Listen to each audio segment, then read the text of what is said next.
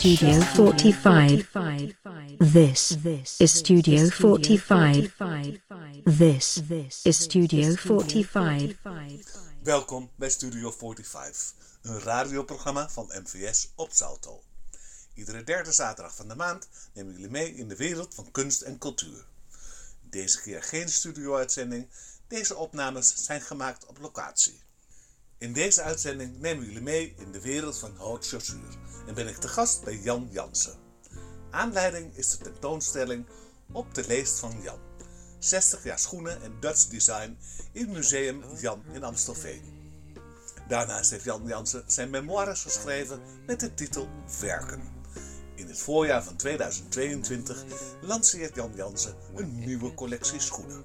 Hoogste tijd voor een gesprek met een van Nederlands grootste en toonaangevendste ontwerpers. Voor deze uitzending heb ik ook gesproken met Fong Leng en de Georgette Koning. Mijn naam is Harold Theater en welkom bij Studio 45. Then later, a movie too, and then Oh,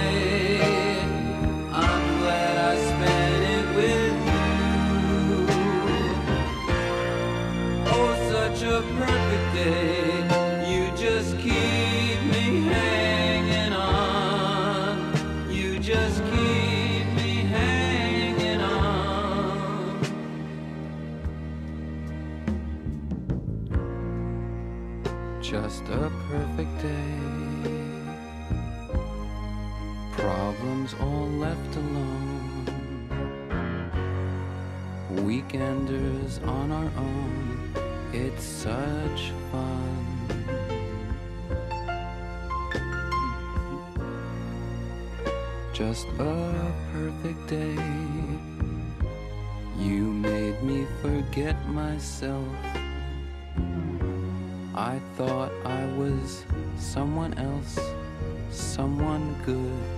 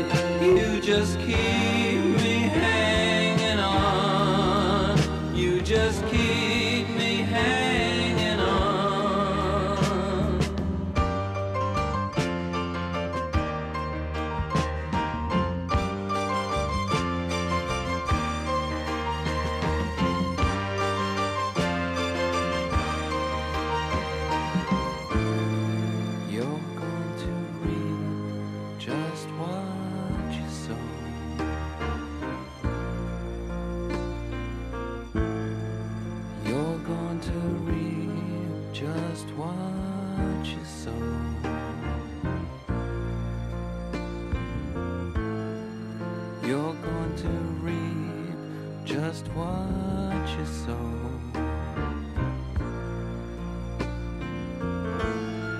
You're going to reap just what you sow.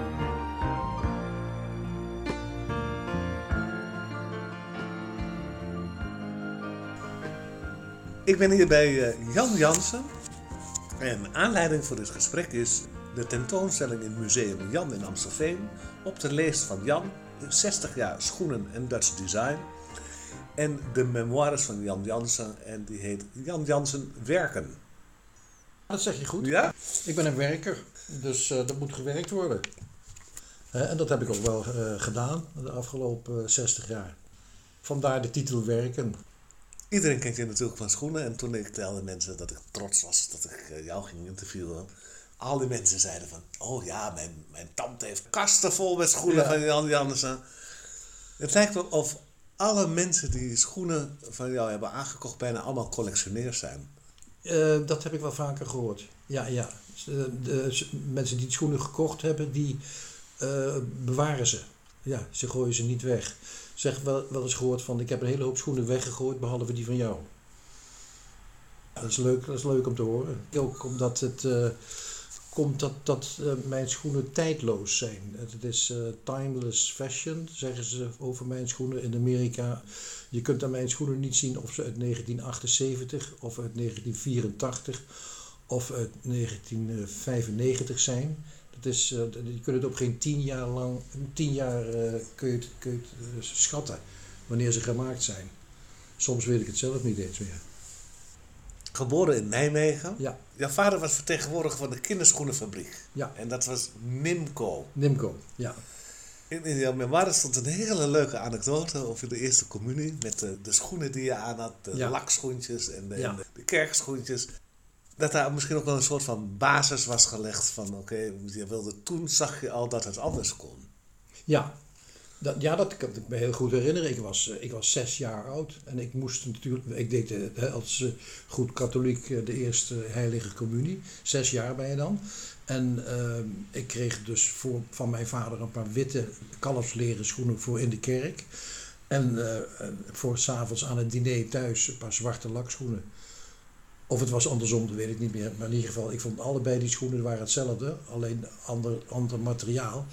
En ik vond ze ontzettend hard en stijf. En, eh, dus toen zei ik al tegen mijn vader van, kunnen jullie dat niet wat, eh, wat, luxer maken, wat, wat dunner, wat soepeler, wat, wat eh, slanker? Nee, zei mijn vader, van, ik, wij, het kind wordt zo geboren met, met een voet en daar wordt niet aan gesleuteld. Dat onze schoenen zijn van een eh, geweldige goede kwaliteit. Dat was ook zo. Ze waren gewoon niet te verslijten. Dan, eh, dan, je groeide eruit. En eh, ik, vond dat, ik vond dat maar niks. Nijmegen ben, je eigenlijk de hele jeugd gebleven. Tot, ik ben in 41 geboren. tot eh, 1960. eh, een- tot ik in militaire dienst. En na mijn militaire diensttijd ben ik dus in, in 62 eh, heb ik stage ge- eh, gekregen in Loon op Zand bij een dameschoenfabriek. Want mijn vader heeft me daarin gestimuleerd en geholpen en gezegd van nou joh, als jij dat eh, niet leuk vindt, dan moet je, maar dan moet je dameschoenen gaan maken. Dan moet je niet in kinderschoenen blijven hangen. En ik verzorg van een stageplaats voor je in Loon op Zand bij Nederlandia. En dat heb ik toen gedaan. En na die stageplaats ben ik, heb ik een stageplaats gekregen in Rome. Bij Folie. Ja, ja, ja, ja. Kom je op, op bepaalde momenten kom, kom je mensen tegen die zeer begaan zijn met jou en jou vooruit willen helpen. Jij maakt dan een aantal ontwerpen al Ja, voor, voor iemand. dat was toen voor eh, de schoenfabriek in Nijmegen ook. eh Empress, meneer Porto Carrero. Die, eh, daar verkocht ik de tekeningen aan voor 25 gulden per stuk. En eh, op een gegeven moment eh, was ik al aan het schrijven met eh, Rome. En toen kreeg ik een plaats en toen zegt hij, ik zou het niet doen. Ik zou hier blijven, dan bied ik je een, vaste baan aan van 600 eh, gulden per maand. En dan 900 en dan 1000. En dat was een gigantisch aanbod in die tijd. Dus, en toen kende ik Tony al. Wij hadden een soort verkering, heette dat toen, geloof ik. En toen zei ik tegen Tony, nou, ik heb een superbaan aangeboden gekregen. Ik van, eh, we, kunnen gaan trouwen, we hebben geld. En, eh, toen zei Tony, ik zou het niet doen. Ik zeg, hoezo? Hoe bedoel je? Ik zou, nee, zei ze, ik zou het niet doen. Ik zou naar Rome gaan als ik jou was. Ik zei, ja, dan kan je toch niet afslaan? Zo. Ja, nou, zei ze, ik zou het niet doen. En toen ben ik naar meneer Portocarrero gegaan en zei, goh, eh, ik, ik wilde natuurlijk, ik wilde wel graag naar Rome. Maar ik dacht, ja, zo'n aanbod kan je niet afslaan. En toen, eh, heb ik het dus toch gezegd tegen hem. Ik hoop niet dat het ondankbaar klinkt, maar eh, eh, ik, wil het, ik, ik wil toch naar Rome gaan. Zegt hij, goh, heb je daar dan geld voor? Ik zeg, nee, daar heb ik nog niet over nagedacht. Maar toen zegt hij, nou weet je wat, ik geef je 600 gulden. En dan betaal je dat af met, dan stuur je mij elke week een briefje van wat je daar gezien hebt. En dan betaal je dat daarmee af, 25 gulden per tekening, totdat je die 600 gulden hebt afbetaald. En dan eh, zijn we daarmee kiet. Dat heb ik eh, gedaan. En ik ben die man altijd heel dankbaar gebleven, omdat hij, eh, ja, dat hij mij, mij geholpen heeft. Waarom wilde je stage lopen in Rome? Wat was de gedachte daarachter? Nou, ehm, je had toen een, een schoenenvakblad. het, het vakblad voor de schoenmakerij, wat nu Schoenvisie is. En daar las ik die artikelen altijd in. Er was één Nederlandse journaliste, M.E. van Tricht heette die. En die schreef over die Italiaanse ontwerpers met allerlei tekeningetjes van schoenen erbij. En dat, dat was voor mij zo'n prachtige wereld. Om, ik dacht, ik wil daar naartoe. Ik wil die mensen leren kennen. Ik wil daar wat van leren. Dus ik schreef naar die M.E. van Tricht. En eh, ik kreeg geen antwoord, maar ik bleef schrijven gewoon. Elke week schreef ik een andere brief, want ik had haar adres gekregen van, van Schoenvisie, van het vakblad. En eh, toen schreef ik haar dat ik, eh, of ze voor mij een stageplaats kon regelen. En toen, nou ja, ik kreeg steeds geen antwoord, maar ik bleef schrijven. Dus ik denk op een gegeven moment dacht zij van, ik word stapel gek van die vent. Laat ik maar proberen toch een stageplaats te, eh, te krijgen. En toen, heb, en toen had zij een kamer voor mij gevonden en, en een stageplaats. En daar heb ik dus de schoenen leren maken met de hand. En dat was, eh, ik kwam daar binnen en ik dacht van waar staat de schuurmachine? En waar staat de zwikmachine? En eh, ze zei, waar, waar staat dat? Zei, nou, dit- dat hebben wij niet. Dat doen wij met de hand. Ik zei, hoezo met de hand? Ja, dat doen we met de hand. Dus alles werd daar dus letterlijk met de hand gedaan. Wat ze tegenwoordig zeggen van dat is handwerk. Dat is natuurlijk flauwekul, het is helemaal geen handwerk. Maar dat was toen, daar was het wel handwerk. Dus toen ging ik daar gewoon zitten. En dan schreef ik op wat ze deden. Zeg, nou pakt hij een stuk zoolleer. Dat maakt hij nat. En dan wordt het soepeler. En dat legt hij in de zon. Dan droogt het. En als het dan droog is, is het nog steeds soepel. En dan kun je het verlijmen. En dat schreef ik allemaal op. En dat stuurde ik allemaal door naar meneer Portocarrero in Nijmegen. En, eh, en zo heb ik die stageperiode doorgelopen. En dat was natuurlijk daar fantastisch, want ik, daar kwamen natuurlijk allemaal eh, celebrities, rijke mensen en filmsterren. Ik heb daar dus Sophia Loren ontmoet. Ontmoet mag ik niet zeggen, ik heb ze gezien. Zij Het kan was, daar, zij was daar schoenen aan het passen. En ik mocht dus van een afstand kijken. En ik heb haar dus gezien dus dat zij daar schoenen bestelde. Ja, dat was, dat was voor mij een soort eh, droom. Droom, ja. Ja, ja, dat was een droom. Nou, daar heb je dus leren lees te maken. Ja, ja daar heb ik schoenen leren maken. Lees te maken en alles. En ik, eh, ik, ik, ik kon dat meteen. Dus een, een soort... Dus ze praten vaak over talent. En dus, eh, ja, Johan Cruijff heeft een, had een talent voor te voetballen. En die zijn er nog eh, een heleboel meer. Maar eh, ehm, ik had een, een... Toen ik dat lees te maken zag... En toen ik dat voor de eerste keer probeerde... kon ik het meteen. Dat is iets... Wat, sommige dingen kun je niet leren. Nee, dat je is, eh, intuïtief begreep je Ja, wat je moest doen. ja, ja. Want En dat kon ik meteen. wat is het geheim van een goede leest? Dat de schoen die je daar opmaakt, dat die goed past. Ja. maar neem aan dat het ook te maken heeft met de stand van, van iemands voet. Als je Ja. het echt op maat maakt. Ja, ja. maar het, eh, eh, voornamelijk, ik ben geen orthopedisch schoenmaker. Dus eh, het is niet zo dat iemand met moeilijke voeten komt en ik kan daar een paar perfect passende schoenen, leesten voor maken. Maar ik ben dus leestenmaker in de mode. Dus ehm, eh, het veranderen van de leest, dus als ik een spitse leest heb en ik wil die vierkant hebben van voren, dan kan ik daar plemuur op plakken. En ik kan dat vei- bijveilen. En zo kan ik een modieuze vorm maken aan een, aan een leest. En dat, eh, dat is het, het, het leesten maken wat, wat ik doe. Je hebt later, later eh, in je carrière heb je nog eens een keer een lees gemaakt waar je constant de punt van kon veranderen. Ja, hoe weet je dat? Ja? Ja? Dat, ja, goh, nou je hebt je wel goed ingelezen moet ik zeggen. Ja, ik heb een, eh, een leest bedacht van het achterstuk van een leest. Daar zit die veer in die de leest eh, naar elkaar toe doet klappen. Zodat je de schoen ervan van af kunt halen. En dat is het duurste gedeelte van de leest. Ik denk dat als je dat achterstuk, bijvoorbeeld je hebt een leest van 5 centimeter hakhoogte. En je maakt daar een vierkante neus aan. Of een, rond, of een ronde neus of een spitse neus. Dan haal je alleen dat voorstuk eraf. En dat, maak, dat voorstuk dat verander je. En dat zet je dan op dat achterstuk. Dan is het veel goedkoper om die lezen te maken. Nou, ik vond dat zelf een fantastisch idee.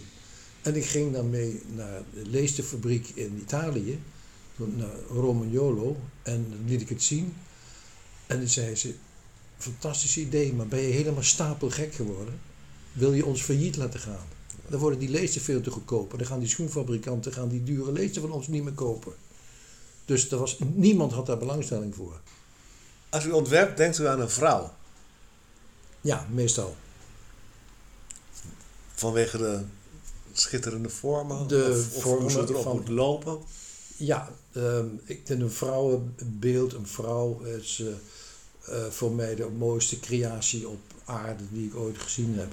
En daar eh, eh, schoenen voor te mogen maken, eh, maakt de vrouw nog sterker en nog mooier. En dat is het, eh, het privilege wat ik eh, heb met mijn vak. Georgette, hoe belangrijk is de schoen in het modebeeld? Ja, de, de schoen in het modebeeld. ehm, ja, dat is heel erg belangrijk, omdat het eh, een totaalplaatje maakt. Tassen, eh, schoenen, ze maken echt het, het plaatje compleet. Mm, Je hebt natuurlijk heel veel eh, basic accessoires, waardoor je de plank niet snel eh, misslaat. Het leukste zijn natuurlijk toch de meer creatieve ontwerpen, hè, waar je ook een statement mee maakt. En je ziet het ook als zelfexpressie. Hoe belangrijk is die zelfexpressie met de designs van Jan Jansen? Dan noem je een heel mooi voorbeeld, want het is natuurlijk eh, super creatief. Eh, als je heel veel schoenen op een rij zet, dan eh, herken je toch meteen de Jan Jansen schoen. Die zijn heel erg authentiek, ja, gedetailleerd, niet trendvolgend. Wat wel grappig is, dus dat je als je ze weer bij elkaar ziet, dan kun je ze soms wel dateren. Bijvoorbeeld eh, zijn Sippy uit de eind jaren 70 met, met zo'n schuine rits over de schoen. Dat is een, eh, een detail wat je ook terugzag in, in de mode. Dus in die zin horen ze wel bij een bepaalde tijd. En ja, is het eerder zo, dat, dat weten wij inmiddels allemaal, dat, dat Jan eh, gekopieerd werd. En eh, dus dat hij eigenlijk, ja, wat je nu noemt een early adapter was, die heel veel ja, trends ook wel heeft gezet. Maar hij heeft er nooit op doorgegaan, omdat hij zo creatief is en zoveel passie heeft voor het vak, dat hij gewoon constant nieuwe dingen eh, heeft bedacht. Is er een opvolger voor Jan Jansen? Ik vind eh, Jan Jansen eh, is onafvolgbaar.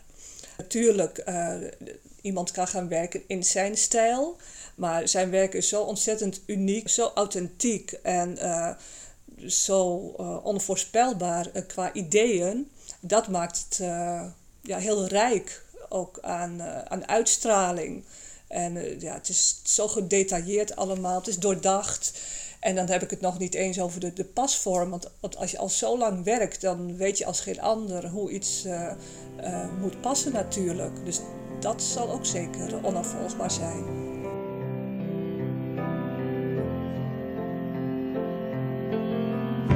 Imagine there's no heaven. It's easy try. No hell below us. Above us, only sky. Imagine all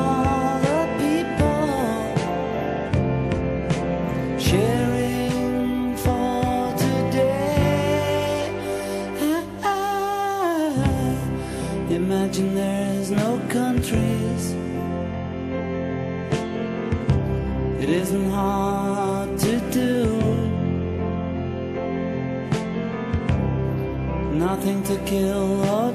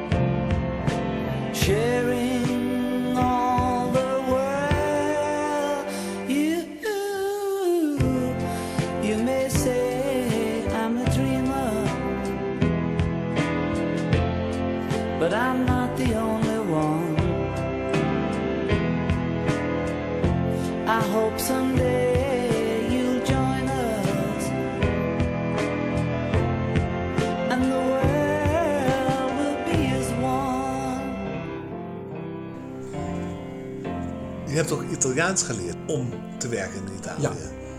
Ja. Ik heb bij de Regina Celi, bij de, de nonnen in Vught, heb ik eh, Italiaans gedaan, geleerd. Eh, ik, kon, ik, ik werkte in Spanje en in Portugal en daar spreken ze behoorlijk eh, Engels. En, en in Italië sprak niemand echt een taal, iedereen alleen de directie of zo. Maar ik wilde met de, met de werkers zelf praten en er is niemand die een andere taal spreekt. Je kunt niet terecht met Frans of met Duits of met Engels. Dus ik wilde, ik wilde dus absoluut eh, zelf Italiaans leren spreken. En dat heb ik in Vught gedaan. is heel belangrijk voor jou, hè? met de mensen die uitvoeren en Ja, werken. ja eh, ik wilde dat niet door vertaler laten doen of door een secretaresse die vertaal jij even. Nee, ik, eh, ik wilde rechtstreeks met de mensen daar praten. En dat heb ik gedaan. En dat, eh, Maar ook Ja. direct omgang, hè? drankjes drinken ja, naar ja, werk. samen eten. Ja. ja, ja. Maar denk je, denk je dat het ehm, uiteindelijke product daar beter van wordt? Ja, de, de, eh, de onderlinge eh, verhoudingen eh, worden dus, zijn dus eh, veel beter. Dus je krijgt gewoon je krijgt dingen sneller voor elkaar. Beter voor elkaar. Eh, als je iets ontworpen hebt en ik maak eh, een, een leest en ik zeg, gooi, joh, eh, hoe lang duurt dat? Kijk, als je weggaat, dan, zeg, dan komt die leest onder in de bak te liggen en dan over drie weken beginnen ze eraan. En bij mij was het zo, ik praatte dus met de mensen rechtstreeks en dan begonnen ze de volgende dag. ik had in twee dagen leest. Dat deed, deed iemand anders drie weken over. En dat is als je het goede contact hebt. Bovendien voelde ik me heel erg eh, thuis in die, eh, bij de Italianen. Het zijn gladjanus. eh, Ze noemen je ook een beetje de gekke schoenenmaker, hè? ja, Ja. ja. Calzolaio matto. En toch op een of andere manier straalt dat heel veel respect uit ook. Zo van, nou ja, hij is een beetje loco, maar het is wel een vakman. Ja, ja, ja, ja. Dat, dat, Ja. Als ze dus zien dat je zelf wat, zelf wat kunt, dan laten zij ook zien eh, wat zij kunnen. Hè? Ja. Kijk, als je daar eh, als stylist, ik heb dat vaker gezien, komt een stylist uit Amerika van een heel groot bedrijf. En eh, die maakt een schetsje, die kan, man kan geen leesten maken, geen patronen maken, geen, dat zijn, eh, die maakt een schetsje en zegt tegen die modelleur, eh, maak daar een schoen van. En dan eh, zegt die modelleur, ja maar ik kan geen laars maken die zo strak is, zonder rits. En dan zegt hij, ja dat is jouw probleem, eh, los het maar op. Nou, dat kun je niet oplossen. Je kunt geen leren laars maken als het geen stretchleer is, zonder ritsluiting, als die heel eh, strak aan de enkel zit. En die, zo'n stylist zegt dan van, eh, doe je best maar, los het maar op. En ik zou dat nooit doen, want ik weet dat het niet kan. Dus alles wat ik vraag, is, of laat zien, dan dat is te maken. Ik ontwerp nooit iets wat niet te maken is. En dat zien die mensen. Ze zien dus dat ik dus, dan zeggen zij van, ja, eh, dat kunnen wij wel hoor. Nou ja, en die hele eh, Italiaanse mentaliteit van een hele cultuur, dus, eh, dat het zijn allemaal halve oplichters natuurlijk. Hè. Dat, dat vind ik prachtig gewoon. Iedereen een beetje belazeren en, en het allemaal niet zo serieus nemen, maar wel een goed product leveren. De trouwjurk van Tony is nog gemaakt door ehm, Perry Brun. Barry Brun, die later met Van Lingen heeft gewerkt. Ja. Van- Hij kwam ook uit Nijmegen. Ja, wij, Hebben, wij hebben Berry naar Amsterdam gebracht. Dus eh, Berry, ja, couturier en eh, eh, modeontwerper in Nijmegen, zei: Joh, jij moet naar Amsterdam. Oh, kom. En toen is hij naar Amsterdam gekomen. En toen mee, heb ik hem voorgesteld aan Fong Leng en daar heeft hij jaren gewerkt. Hij was jaren assistent van de assistent van Ik zag heel veel kruisbestuiving. Mitsuko, de, de zus van Mitsuko. Mitsuko, Ja. ja. Oh, dat weet je ook allemaal. Ja, de jaren 70 zijn ook gewoon de, de wilde tijden heen in Amsterdam. Grote discofeesten. Ja. Ik kwam vorige week Eddie de Klerk tegen. Heel, Je moet maar eens vragen, want hij kwam ook altijd met Tony op mijn feesten. ja, en hij kent Olivier ook. Oh ja? Hij kent onze zoon, ja. Ja, die zat daar ook die zat daar heel erg in, in die muziek. Onze zoon eh, danste ook in, eh, goh, hoe heet dat nou, wat later afgebrand is? De Roxy. De Roxy. Ja. Hij hing in de touwen hoog in de lucht Oh, echt? de Roxy. Ja. Ja. ja, En Olivier heeft ook nog show gelopen voor Fong Leng. Oh ja? Als dressman. Ik Ja. ook, hè? Ja, ja, ja, ja, ja. Ik heb de foto's gezien. Oh. Ja, een ontzettend een knappe man. Nou, Nog nou, steeds, nou, maar nou, dat- nou. Dat vond, ik, dat vond ik zo ontzettend geestig. Dat, ehm, toen je net in Amsterdam woonde en vlak voordat je zou gaan trouwen met Tony, dat ze zeiden: Nou, doe dat maar niet, trouw, dat trouwen met Tony. Ja. Want In, in de mode kun je beter homoseksueel ja, zijn. Ja, dat dacht ik toen ook. Berry al, Berry was homoseksueel al voordat ik er ooit van gehoord had. En was, toen hij in Nijmegen was, zei hij, eh, eh, had de psychiater die had tegen hem gezegd van neem maar een vriendin. Dan denk ik, wat, wat lult die man nou toch? Want die jongen is gewoon homoseksueel. Nou, en dan ga je er geen vriendin nemen. Zo'n zo'n psychiater is gewoon, die weet gewoon niet waar hij het over heeft. Ik heb het altijd vreemd gevonden dat iemand het. Dat was 19. Waar hebben we het nou over? 3, 64 zijn wij getrouwd. 64 Mhm, heeft eh, Barry Brun die, die jurk voor Tony gemaakt. Ja. Toen wisten wij al dat hij eh, homo was. Ja. En denk, ik, ik, ik heb me nooit afgevraagd: van, vindt iemand dat gek? Het ene hoogtepunt naar het andere hoogtepunt lijkt wel zich af te spelen in de jaren 70.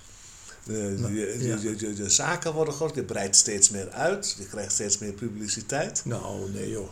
Ik, ik, kreeg, wel steeds meer publiciteit, maar ik ben, eh, ik ben nou nog net zo klein als eh, in de jaren zeventig. Ik ben nooit gegroeid. We hebben gewoon één winkeltje geopend in de, in de. En daarna zijn we verhuisd naar de Rokin.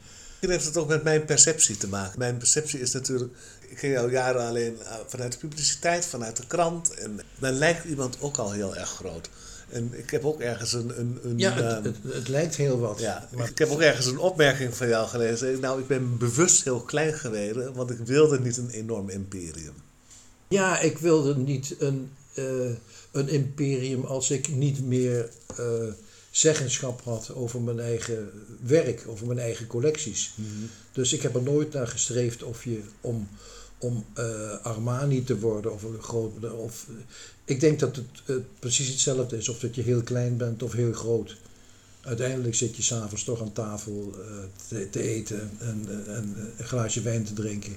En dan of je dan 100 miljoen achter je hebt of eh, een half miljoen of nog minder, dat eh, maakt niet zoveel uit. Ik denk dat, ik denk dat de grote mensen, eh, zoals Joop van den Ende en, en, en Ar- Armani, en dat, ik denk dat die dat wel beamen. beamen. Maar het ontwerpen is eigenlijk altijd de basis gebleven voor jou. Ja, ja. Ik ben baas in eigen huis gebleven en eh, ja, ik heb het zomaar gedaan zoals ik dacht dat het moest. En altijd met, eh, met Tony achter me en aan mijn zijde. Altijd van, wat vind jij nou? En wat, ja, Dat is heel belangrijk, hè, Tony? heel, Heel, heel belangrijk. Dat is Afgezien dat ze de winkel runden in de, in de rundstraat. Ja, ja, maar ook met Maar- gewoon de beslissingen. Ik weet nog dat wij, eh Puk en Hans, die belden ons op van, eh, joh, naast ons komt een winkel vrij op het Rokin. En toen zaten wij in de Runstraat en we groeiden er misschien een beetje uit en we hadden wat meer mogelijkheden om iets anders te, een betere, mooiere winkel te doen. Toen kwam het Rokin, dat was eigenlijk een stapje te hoog gegrepen voor ons. Maar Puk en Hans zeiden van, het komt vrij, niemand weet het nog als jullie naast ons komen, dat- want het was op eh, 42 en zij woonden op 40, hun, hun winkel, dan, eh, dan zou je dat moeten doen. Dus wij gingen, eh, dus toen gingen we kijken. Dus ik liep met Tony, eh, liepen wij het pand door. En toen liepen we naar beneden. Maar we zeiden, nou, we zullen erover nadenken. Toen liepen wij, gingen we linksaf, liepen we richting Dam. 10 meter, 20 meter verder keken we elkaar aan. En toen zei ik, Ton, dat doen we dus, hè? Ja, dat doen we dus. We hebben de man vroeg 50.000 gulden sleutelgeld. Ik had geen cent te makken. En toen zei ik, ja, dat doen we. En toen heb ik een huurcontract getekend. En toen ter plekke, ter plekke heb ik een opdrachtgever gebeld of ik een voorschot kon krijgen. Want ik had gewoon geen duizend euro op de bank staan. En dat is, dat is zo. eh, ik wil er niet mee eh, opscheppen, maar zo dacht ik, zo moet het gewoon. Ik heb er niet gedacht van, goh, wat ben ik een flinke kerel om eh, dat risico aan te gaan van die 50.000 euro die je niet hebt. Je hebt echt gewoon je gevoel gevolgd. Dat, ja, ik denk dat moeten we doen. En Tony En Tony was dat echt we jouw kompas Ja, in, in, de, ja. in die... Ja. Ja. ja. Tony zei altijd dat ben je ook van wat maakt het uit? Dat, eh, eh, als je dat doen, eh, dat moeten we doen, dus dat moeten we doen. En dan stap twee is dat je dan zorgt dat je het gerealiseerd krijgt. En ja, dat is altijd zo'n beetje zeg maar met de hakken over de sloot. Ik ben nooit failliet geweest in al die tijd, maar ik ben er wel dichtbij geweest. Tony is ook, ehm paste modellen door. eh, maar ook werd zij altijd, als jij een nieuw model had gecreëerd, nam jij dat mee naar huis. En zette je dat op een prominente plek in de woonkamer. Ja. Zodat je dat toch eens rustig op je in kon laten Ja. werken. Op de televisie. Op de televisie. Ja, ik zette het op de tv en eh, eh, dus ik had een, prototype klaar, een nieuwe hak, nieuwe leest. En dan kijken, zal ik hem nog iets verder naar achteren brengen of moet hij nog iets spitser of moet hij nog iets ronder of zo. En dat liet ik dan ook aan Tony zien. Dus ik zeg, moet jij, zou jij hem iets spitser maken of iets meer naar achteren zetten, die hak? Nee, zei toen, nee, ik vind hem zo goed. Of ik zou, hem- ik zou hem inderdaad iets verder naar achteren zetten. En dan maakte ik een nieuw prototype en dan zet ik hem weer op de tv. En dan is een schoen pas goed als je er meer dan twee keer naar gekeken hebt. En je, ziet, je weet nooit zeker van, eh, zal ik het zo doen of niet? Dan denk ik, even morgen nog kijken. Nachtje over slapen. Morgen kijken en dan, en op een gegeven moment kom je op een punt dat je zegt, dit is het. Zo is die perfect. Niet verder naar achteren, niet spitser, niet ronder, niet vierkanter. Dit is hem. En dan is die dat voor mij. En ook voor Tony, maar dan is die dat voor mij. Eh, is die dan goed? Of mensen hem dan kopen, dat interesseert me dus geen bal. Dat is bijna ook zoals een beeldhouderwerk. Want, eh, ja, ja. Dus er zijn er altijd mensen die het mooi, die het mooi vinden, die het kopen. En er zijn altijd mensen die het absoluut niet mooi vinden, die het helemaal niks vinden. Ja, ja, dat zijn dan niet mijn mensen. Je hebt altijd heel erg geloofd in je eigen ontwerp. Hè? Ja, Ja. ja, ja. En, Ook Ja. als mensen zeiden, doe maar niet. Zei hij, oh nee, zet door. ja, ja, ja, ja, Ja. We hebben het ook gehad toen we de winkel in, de- in, de- in, op het Rokin, nee, op, in de Runstraat, voor het Rokin. Toen zeiden ze, Jan, daar kun je absoluut niet gaan zitten. Daar zit een visbakkerij tegenover je. Het stinkt dus de kleren daar. Mhm. En eh, ik zei, nou, daar gaan wij zitten. Nou, zei ze, nou, dat vind ik een hele domme beslissing. Nou, daar zijn wij toch gaan zitten. Het zijn nou de negen straatjes geworden.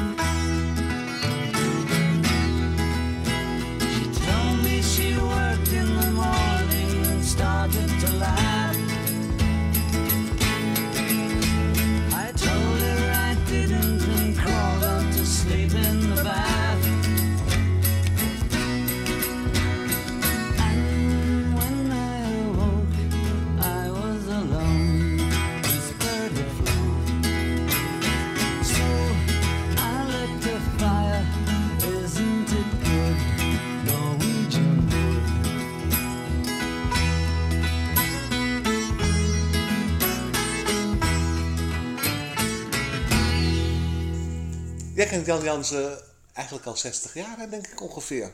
Eh, ongeveer 60 jaar, ja, zover is het, ja. Hoe ben jij met Jan Jansen in contact gekomen? Ik ben met Jan Jansen in contact gekomen doordat ik dus schoenen wilde laten maken voor mijn show. Voor eenmaal van mijn shows. En dat was in de begintijd. In de enthousiasme om alles perfect te hebben. In die tijd heb ik dus eh, Jan benaderd.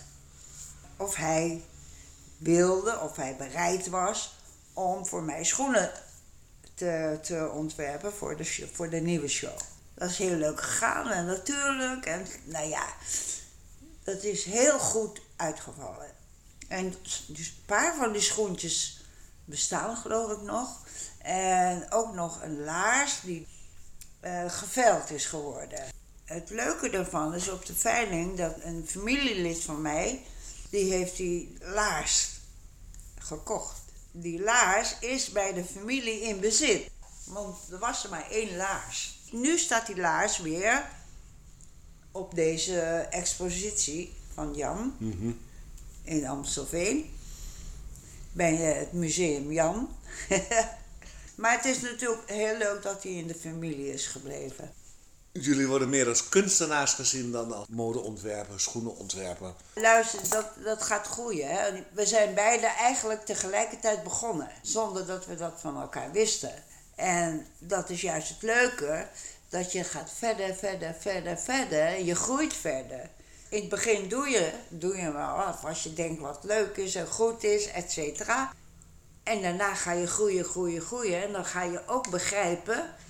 Hallo, ik moet het heel erg perfect doen.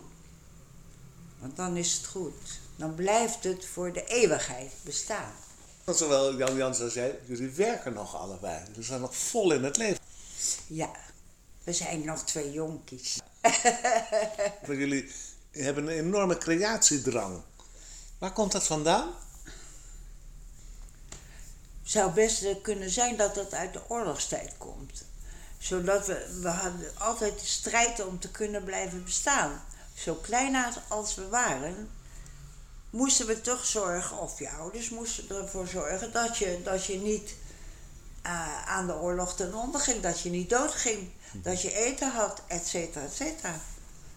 Ik denk dat dat de worstel is Denk geweest. dat daar de basis Ja. is gelegd? voor- de basis gelegd voor je, voor je zijn eigenlijk. Voor je overwinning. Voor, voor, voor te blijven bestaan. Creativiteit heb je van je ouders meegekregen. Dat zit in mij. Dat, dat, daar ben ik mee geboren.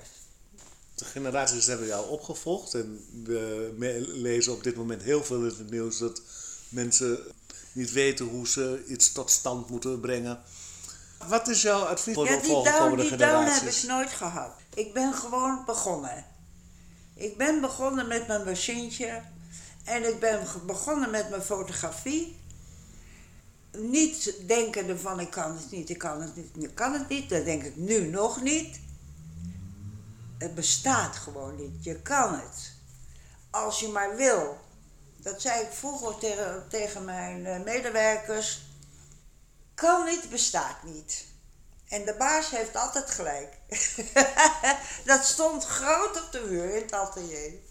Kijk, je begint, je begint. En je begint eigenlijk heel jong. En je denkt dat je het kan, maar je kan het natuurlijk niet. En je begint gewoon. En je weet niet alle finesses van, eh, van, eh, van een vak. Dat ga je leren, dat ga je leren, leren. En als je daarvoor open staat en als je dat wil en alle tegenwerkingen wil beboksen en wil overleven, dan gaat het goed. Dan kom je er wel. Ik kan alleen maar zeggen, jongelui, stort je erin, hou het vast, ga ervoor en maak geen zwakke punten. Dat is wat ik zou zeggen.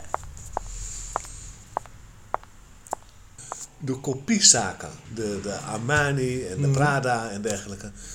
Het is eigenlijk hoe ik jou heb leren kennen vanuit de krant. Dat jij weer in, in de krant stond eh, een schoen die dan weer gekopieerd was door, Ja. door een grote ontwerper. Wat heeft dat met jou gedaan? Toen, eh, Giorgio Armani die, die eh Tutti Piedi schoen van mij kopieerde. Ik heb die gezien in, in een etalage in Tokio, waar wij samen eh, langs liepen. Die heb die schoen gekocht en dat mee naar huis genomen.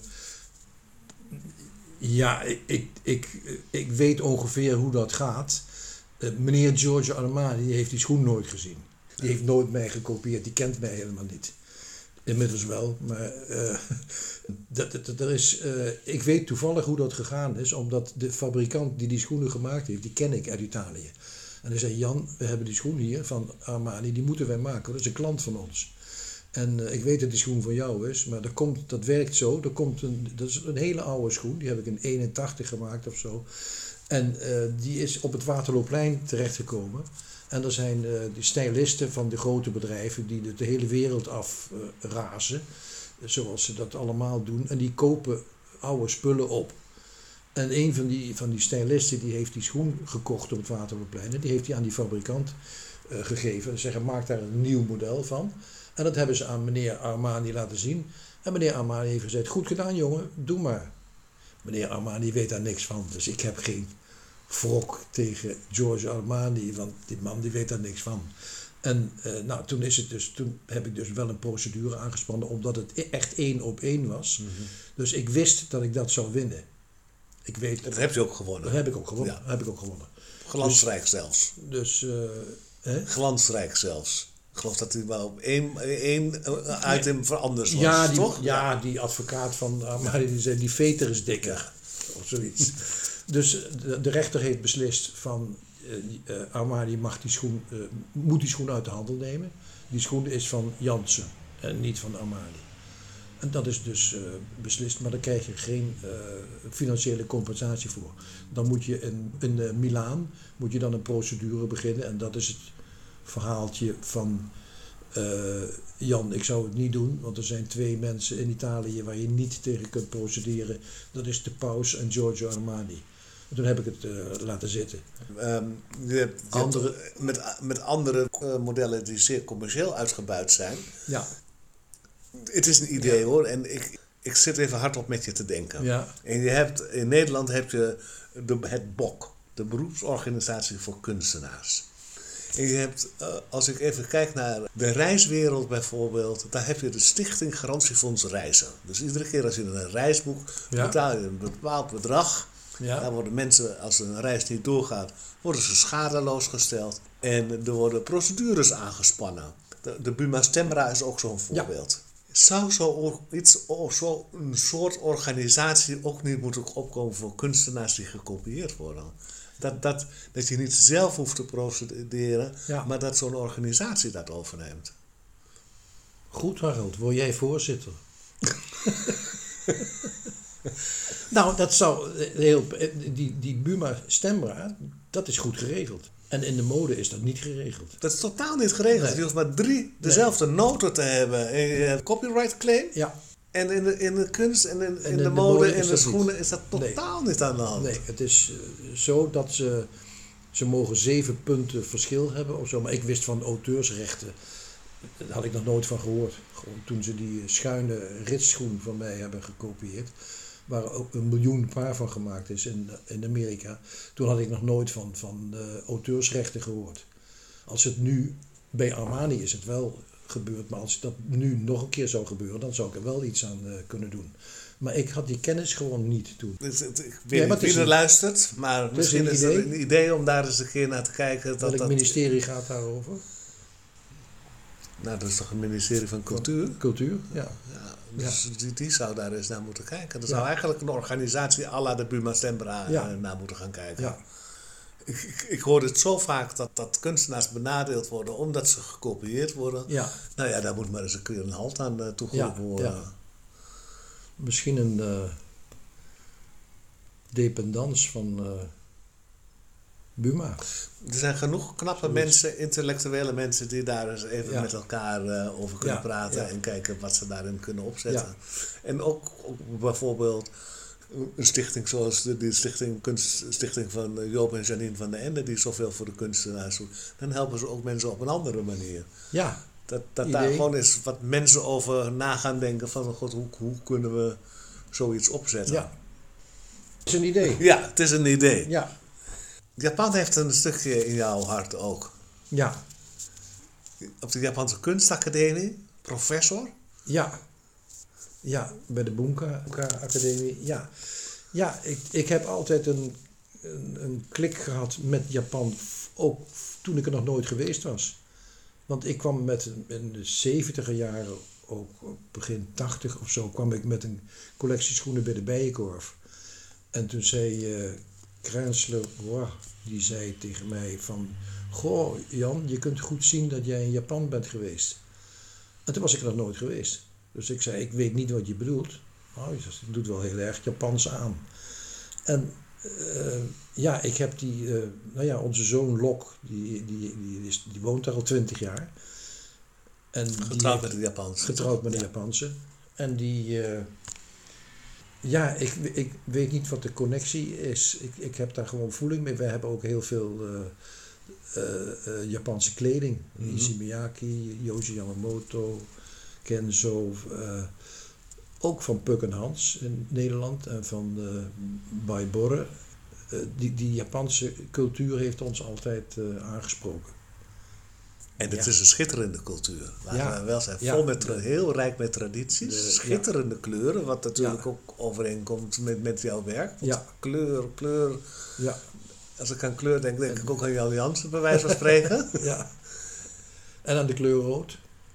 en aan de kleur rood. Laten we de kleur rood niet vergeten. Maar ook heel kleurrijk altijd jouw werk. Hoe word je in één keer professor op zo'n kunstacademie? Nou, nou wij hadden een. eh, we hebben eh, zes tentoonstellingen gehad in Japan. Mhm. Dus die eerste tentoonstelling eh, die wij eh, daar hadden, daar kwamen dus mensen van de, van de academie en die keken en gingen ze: Goh, eh, zou jij een gastles willen geven op onze academie? En ik zei: Ja, tuurlijk, graag. Dus toen heb ik daar een gastles gegeven en dat was zo hilarisch, want eh, eh, ze hadden daar, die studenten hadden daar leesten en die zei, ik zeg, goh, wat zou jij nou willen doen tegen zo'n student met, eh, met zo'n leest? Nou, zei ze, eh, ik zou daar een hele lange punt op willen maken. Ik zei, nou, dat moeten we dan doen. Ja, nee, nee zei ze, dat mag niet, want die leesten zijn van de academie. En dan mag je niet aankomen. Ik zeg, oh ja, dat zullen we nog wel eens zien. Ik ga hier geen les geven als ik niks mag veranderen. Dan ga ik naar huis toe. Ja, maar dan moeten we vragen aan de, aan de, docent. Ik ja, dan gaan we vragen aan de docent. Ik zeg, eh, kom eens even hier, wij gaan die leesten veranderen. Ja, maar, ik zeg, nee, niks ja maar.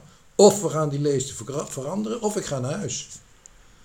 En toen hebben we dus die leesten eh, veranderd. En dat was, dat was een schok in die academie. Van, en toen zei ik ook, luister eens tegen die studenten. Je moet goed luisteren naar je ouders en naar je docenten. Maar niet te goed. Jij moet doen wat jij in je hoofd hebt. En anders kom je, kom je niet verder. Dan ga je doen wat je docent zegt wat je moet doen. Dat moet je niet doen. Je moet doen wat jij wil. Dat heeft op de een of andere manier eh, indruk gemaakt. En toen, en toen, eh, heb ik dat vaker gedaan. En toen kwamen ze dus van, met zo'n certificaat van eh, visiting professor. eh, ben ik toen gebombardeerd.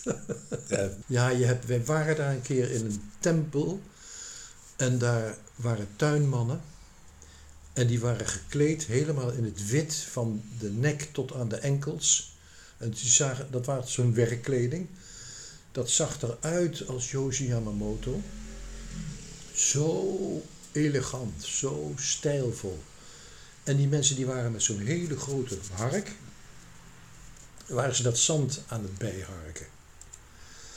En toen wilden wij naar de overkant gaan om daar een ander stukje te bekijken.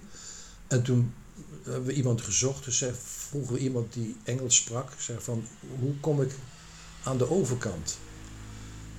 En toen zeiden ze, je moet hier doorheen lopen. Ik zeg, hier doorheen lopen? Dat, heb dat ga ik niet doen. Dat hebben die mensen net geharkt. Ja, zei ze, dat hebben ze voor u geharkt. U loopt er doorheen en dan harken ze, harken ze het weer opnieuw. dat, is, dat is Japan. Ja. zo, zo stijlvol, zo verfijnd. Het is echt, echt, echt indrukwekkend. Nog steeds aan het werk. Eh, toen die corona kwam, ja, toen dacht ik, ik zal ik mijn memoires eens gaan schrijven. Ik heb Mhm. nou toch niks te doen. Eh, ik kan geen schoenen meer maken, geen fabrikant, geen, geen fabriek. Fabrieken gingen dicht, open, dicht, open. Toen ben ik de memoires gaan eh, schrijven. En toen kwam dus als donderslag bij heldere hemel, kwam die hooiergroep. Die kwam uit de lucht vallen. En die zeiden, goh, eh, Jan, wij willen jouw merk opnieuw gaan herlanceren. En eh, je hebt eh, wat je allemaal gedaan hebt en zo. En, en wij hebben daar zin in. Wij willen dat eh, je moet niet, niet gaan stilzitten nou. En dat is in een samenwerking eh, gekomen dat eh, zij gaan het eh, doen. En daar ben ik nou weer net zoals voorheen eh, druk mee bezig met de voorjaarscollectie 2022. We zitten hier in het uh, Ramses Shaffi-huis. Ja, En hier wonen jonge kunstenaars, eh, gearriveerde kunstenaars. ja. Wat is jouw advies aan de jonge mensen, aan de jonge kunstenaars? Nou, ik, ik heb een beetje een, eh, een, een advies van de jongere mensen moeten iets meer naar zichzelf luisteren en niet naar de marketingrapporten die geschreven worden en eh, de zakelijke adviezen. Dat is alles wat er met eh, 3D-print gedaan wordt, is zo eh, plastic, zo weinig. Ik zie zo weinig een mes en een, en een hamer en een tang en een potlood en papier. Ik zie zo weinig eh, ouderwets handwerk, moet ik dan bijna zeggen. Vakmanschap misschien? Vakmanschap. Ja, het is. eh, ze zijn. eh, nu gaan ze ehm, eerst een marketingrapport lezen en dan gaan ze iets maken. Eh, ik vind dat het andersom moet. Je moet eerst iets maken, iets nieuws, en dan maar zorgen dat het eh, vermarkt wordt, ver- verkocht wordt. Want als er geen nieuwe dingen meer ontworpen worden, dan is er ook niks meer om, om te kopiëren door, door de grote massa. Ik wil Jongens, je heel best. erg hartelijk bedanken. Fijn Harold, ik vond het een fijn gesprek. Ik ook. Dankjewel. De tentoonstelling op de leest van Jan Jansen, 60 jaar schoenen en Dutch design, is nog te zien tot zondag 29 augustus. Museum Jan in Amstelveen. down to earth flavor. Close my eyes.